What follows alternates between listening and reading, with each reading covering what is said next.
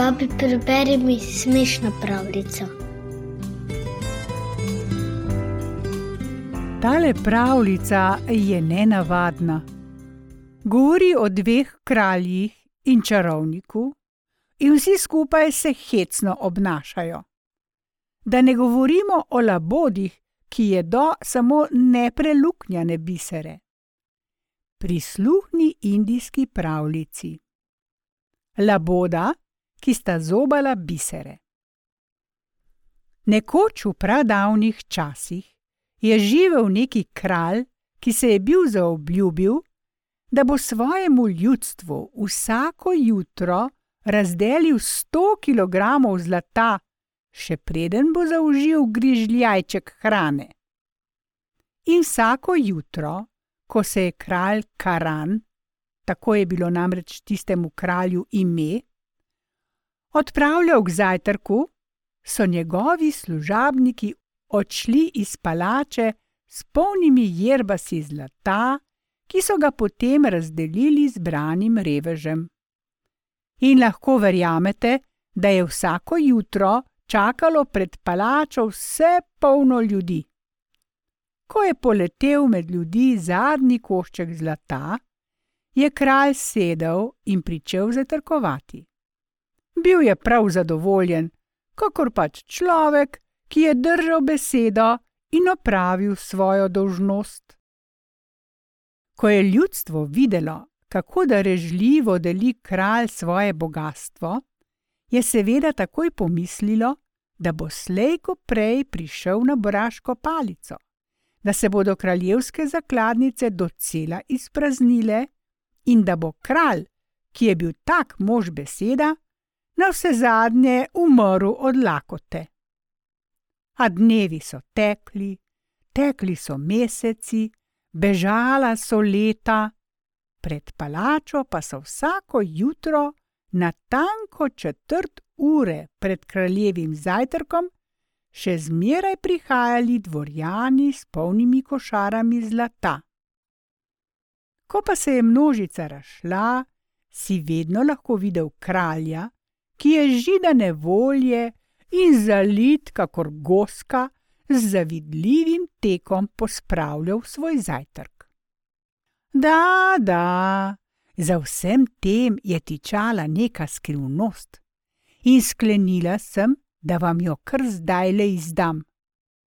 Kralj je namreč z nekim do kraja se stradanim čarovnikom, ki je živel na vrhu griča, sklenil tole pogodbo če kralj privoli, da ga čarovnik vsako jutro odsvre in poje, bo dobil vsako jutro sto kilogramov suhega zlata.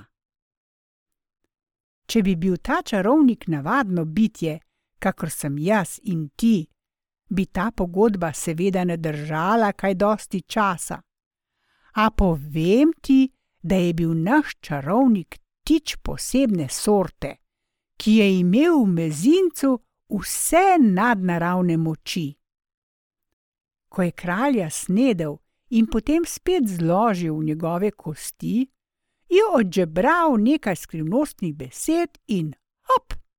Kralj je spet oživel, vslepo zalit in nasmejan, pripravljen na imeniten zajtrk. Čarovnik je bil pa tudi vesel tega dogovora, saj si je tako za vsako jutro zagotovil slasten zajtrk. Jaz si seveda mislim, da ni prav nič prijetno, če te takole vsako jutro vržejo v kotel vrelega olja. In po mojem je kralj Karan presneto zaslužil tistih sto kil zlata, ki jih je vsakič prejel za plačilo. A kralj se je tega že kar navadil in se je vsako jutro prav veselo povzpel na grič in stopil v domovanje sestradanega čarovnika.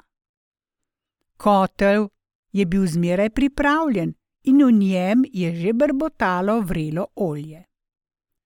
Kralj je z našim imenitnim čarodejem najprej malce pokramljal, na to pa je meni nič, tebi nič, sam skočil v razbeljeno olje. Ah, kako je zacvrčalo. Ko je bil kralj lepo zapečen in je postala njegova koža slastno hrustljava, ga je čarovnik pojedel. Na to pa zbral njegove kosti, izgovoril svoj hokus pokus in stvar je bila opravljena. Čarovnik se je na to potapljal po svoji stari, zamazani in raztrgani halji, oživljeni kralj pa je brž pobral zlato, ki se je usulo izpod čarodejevih cun. Tako torej je kralj vsako jutro prišel do zlata, in če mislite, da je ta reč hudo nenavadna, bodite prepričani, da sem tudi jaz tega mnenja. Ko so divji labodi zapustili našo deželo, so se, kakor morda veste, naselili na velikem jezeru Manasarovar. Ti labodi so se hranili samo z biseri. Po letu hude lakote pa je bilo bisere težko najti, zato sta dva, labod in labodica, odletela z tega čudovitega jezera in sklenila, da si bosta odtlej sama iskala hrano. In odletela sta naravnost na vrtove kralja Vikramajita v deželi Ujan. Ko je vrtnar opazil ti dve prelepi ptici, se je na moč razveselil in ker je želel, da bi ostali tam, jima je vrgel več prgišč mešanega zrnja ala boda se nista niti ozrla za zrnjem. Zato je vrtnar odhitel k svojemu gospodarju in povedal, kaj se mu je primerilo. Kralj Vikramajit se je pri tisti priči odpravil na vrt in v ptičjem jeziku laboda vprašal: Vsakdo namreč ve, da se je ta kralj znal pogovarjati s ptiči in s drugimi živalmi. Zakaj se ne zmenita za vrtnarjevo zrnje? Mi dva ne zobljeva zrnja in tudi sadja ne jeva, sta mu povedala laboda. Mi dva se hraniva samo z nedotaknjenimi in še nepreluknjanimi biseri.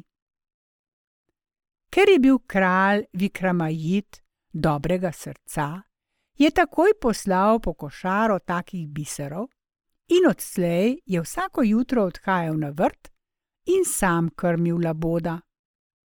Nekega dne pa se je primerilo, da je kralj med drugimi vrgel labodoma tudi en preluknjan biser. Izbirčna laboda sta to takoj opazila, in ker sta mislila, da je kralju pošla zaloga nedotaknjenih biserov, sta pri priči sklenila, da zapustita kraljevo palačo. Naj jo je kralj še tako milo prosil, naj ostaneta pri njem, sta lepo mirno razprostrla svoja dolga bela krila in odletela proti svojemu nekdanjemu bivališču, tja proti velikemu jezeru Manasarovar. Ker pa sta bila hvaležnega srca, sta med poletom vse čas pela hvalo kralju Vikramajitu. Ko je kralj Karan nekega jutra opazoval svoje dvorjane, kako ljudstvu delijo zlato, je na vsem lepem na nebu zagledal dva prelepa bela laboda, ki sta vse čas pela. Slava Vikramajitu! Slava Vikramajitu! Kdo neki je ta človek, ki ga laboda tako opevata? Se je zavzel kralj Karan. Jaz se dam vsako jutro odsvreti in pojesti, samo da svojemu ljudstvu priskrbim sto kil zlata. A ni ga laboda, ki bi mi pel hvalo. Ker je bil kralj Karan sila samoljuben, je velel naj ptici ujamejo in utaknejo v kletko. Potem je dal kletko obesiti v največjo dvorano v palači, in služabniki so morali prinesti pehar najboljšega zrnja. Toda laboda sta vzravnala svoja vratova, zaničljivo pogledala kralja in rekla: Slava Vikramajitu, on naj jo je hranil samimi biseri. Kralj Karan je brž poslal po bisere, ali boda se tudi teh nista pritaknila. Zakaj ne jesta? se je ujezil kralj. Mar jaz nisem tako dober z vama, kakor Vikramajit. Tedaj pa se je oglasila labodica. Kralji ne mečejo ječo nedolžnih, kralji se ne vojskujejo z ženskami. Če bi bil tukaj Vikramajit, bi me pri priči osvobodil. Tudi kralj Karan se je hotel pokazati nad vse dobrosrčnega. Zato je takoj izpustil labodjo družico, ta pa je razprostrla svoja bela krila in odletela na jug, naravnost v kraljestvo kralja Vikramajita. Takoj, ko je prispela tja, je kralju povedala, da je njen labod ujet na dvoru kralja Karana. Kralj Vikramajit, ki je bil, vsakdo kakor ve, najdobrosrčnejši izmed vseh kraljev, je takoj sklenil, da gre osvoboditi ubogega jetnika. Labodici je velel, naj se vrne k svojemu labodu, sam pa se je preoblekel v služabnika in si nadel ime Bikru. Tako je preoblečeni kralj Vikramajit odpotoval na sever, naravnost v kraljestvo kralja Karana. Postal je služabnik kralja Karana in je vsako jutro pomagal deliti zlato. Kmalo je zaslutil, da za neizčrpnim bogatstvom kralja Karana tiči neka skrivnost. In rekel si je, da jo mora čim prej razkriti. Ves čas je oprezoval po palači in tako je nekega jutra videl, kako je kralj Karan odšel v čarovnikovo hišo in se vrgel v vrelo olje.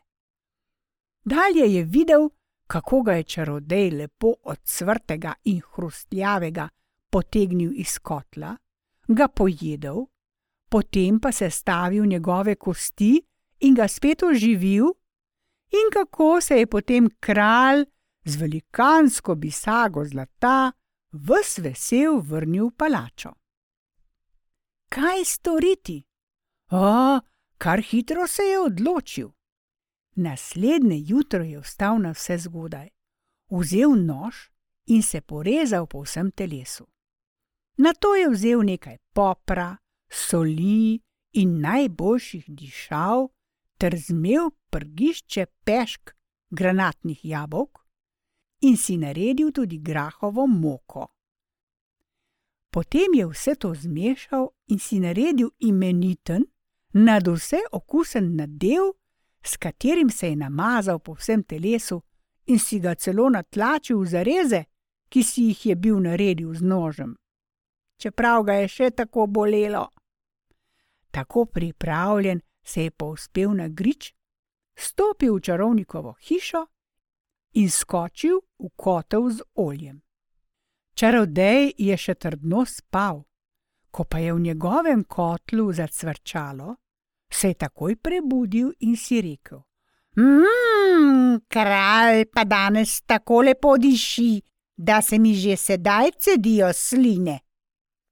Da, v kuhinji je zares tako vabljivo zadišalo, da je čarodej komaj čakal, kdaj bo njegov zajtrk nared. In brž, ko je kralj Vikramajit dobil lepo odsvrto zlato kožo, ga je čarodej pojedel, potle je spet zbral njegove kosti, izrekel čarovne besede in kralj se je spet prikazal. O, kako imeniten zajtrk sem imel danes! Povejte no, kako da ste bili danes tako slastni in dam vam vse, kar želite.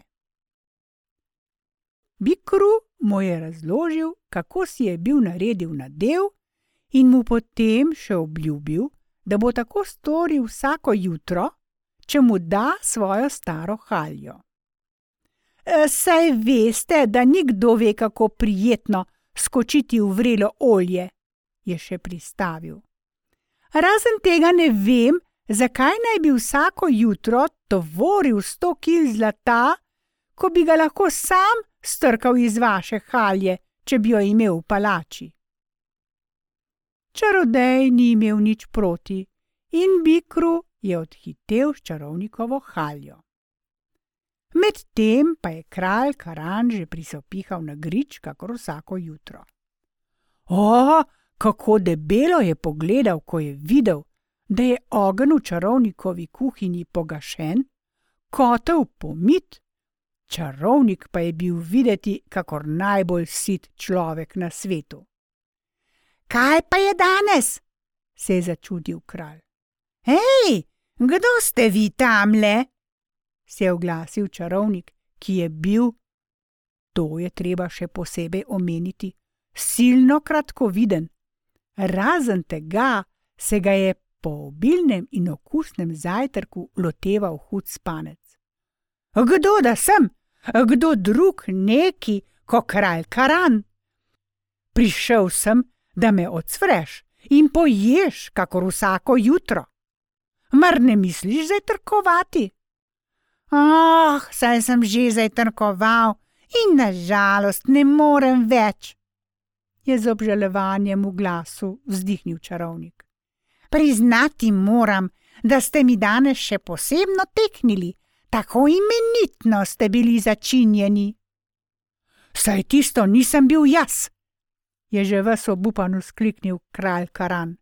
Pojedli ste koga drugega. E da, da, tudi sam sem že pomislil na to, je zaspano odvrnil čarovnik.